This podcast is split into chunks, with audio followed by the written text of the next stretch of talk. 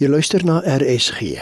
Die aandgedagte word vanaand aangebied deur pastoor Tini Wessels van Lofdal Gemeente Kempton Park.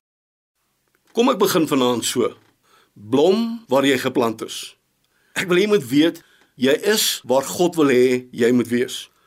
Die verhaal van Ester leer ons twee belangrike beginsels. In die eerste plek dat ek en jy 'n mentor nodig het om inspraak in ons lewens te maak.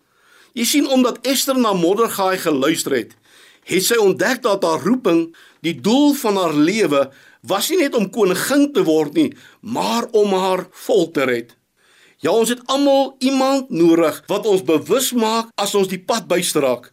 Iemand wat jou versterk, iemand wat jou bemoedig wanneer jy wil tou opgooi en weghardloop. Joshua het na Moses geluister, Timoteus na Paulus, Rut na Naomi. Die vraag is, na wie luister jy? Die tweede beginsel, jy moet weet dat jy op die plek is waar God wil hê jy moet wees.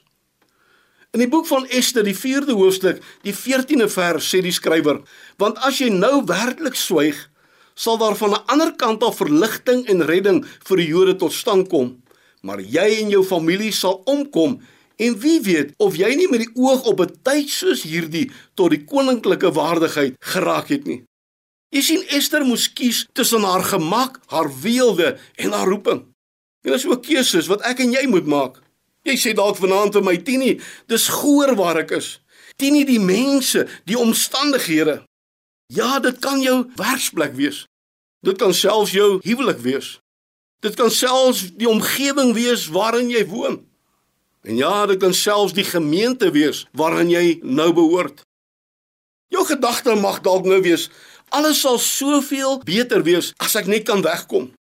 Maar vanaand hoor jy Tini Wessels wat vir jou sê, God het 'n plan vir jou waar jy nou is. Kies dan nou saam met my om te sê, Here, ek sal hier bly. Ek is gereed om te blom vir U en vir U koninkryk. Ja, Here, my lewe, my toekoms is in U hande. Lofdal groete en amen. Dit was dan die aandgedagte hier op RSG, aangebied deur pastoor Tini Wessels van Lofdal Gemeente Kempton Park.